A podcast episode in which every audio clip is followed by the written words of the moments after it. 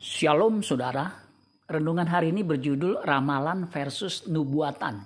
Yesaya 44 ayat 25 dan 26. Akulah yang meniadakan tanda-tanda peramal, pembohong, dan mempermainkan mempermain-mainkan tukang-tukang tenung yang membuat orang-orang bijaksana mundur ke belakang dan membalikkan pengetahuan mereka menjadi kebodohan. Akulah yang menguatkan perkataan hamba-hambaku dan melaksanakan keputusan-keputusan yang diberitakan utusan-utusanku yang berkata tentang Yerusalem. Baiklah ia didiami. Dan tentang kota-kota Yehuda, baiklah ia dibangun. Aku mau mendirikan kembali reruntuhannya. Tuhan menegaskan kepada umat pilihannya bahwa ia bisa menggagalkan dan mempermainkan ramalan atau tenung nabi palsu dan membuat mereka menjadi bodoh. Yesaya 44 ayat 25 terjemahan bahasa Indonesia masa kini dikatakan, Akulah yang menggagalkan ramalan tukang peramal dan mempermainkan tukang-tukang tenung. Kata-kata orang bijak kubantah, kebijaksanaan mereka kujadikan kebodohan. Tuhan membenci orang yang suka meramal atau bertenung dan melarang umatnya melakukan praktek ramal. Imamat 19 ayat 26, ayat 31, Imamat 20 ayat 6 dan 27. Siapa pun yang melakukan praktek ramal harus bertobat apa pun bentuknya. Sebenarnya apa itu ramalan? Ramalan adalah hasil meramal. Meramal artinya melihat nasib orang dengan membuka ramal atau menduga.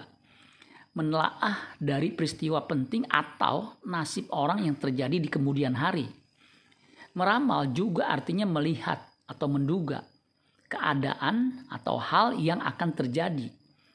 Praktek meramal untuk yang bukan nasib hidup seseorang seperti meramal cuaca, ramalan cuaca, memprediksi pertumbuhan ekonomi, financial forecasting dan lain sebagainya adalah praktek yang biasa saja, bukan suatu dosa.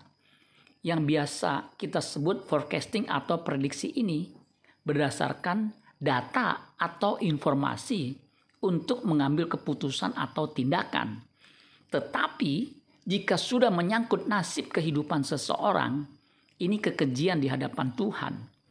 Orang yang suka meramal nasibnya adalah orang yang tidak bergantung kepada Tuhan karena ia mempercayakan nasibnya kepada yang bukan Tuhan. Meramal berbeda dengan bernubuat. Yang bernubuat biasanya para nabi utusan Allah untuk menyampaikan pesan dan keputusan Allah. Alkitab mencatat banyak nubuat. Nubuat yang banyak dicatat di Alkitab adalah nubuat yang menyangkut soal keselamatan dalam Kristus. Nubuat ini sudah digenapi dan patut dipercayai karena Allah yang melakukannya. Allah adalah satu-satunya penebus. Yesaya 44 ayat 24 Beginilah firman Tuhan penebusmu yang membentuk engkau sejak dari kandungan.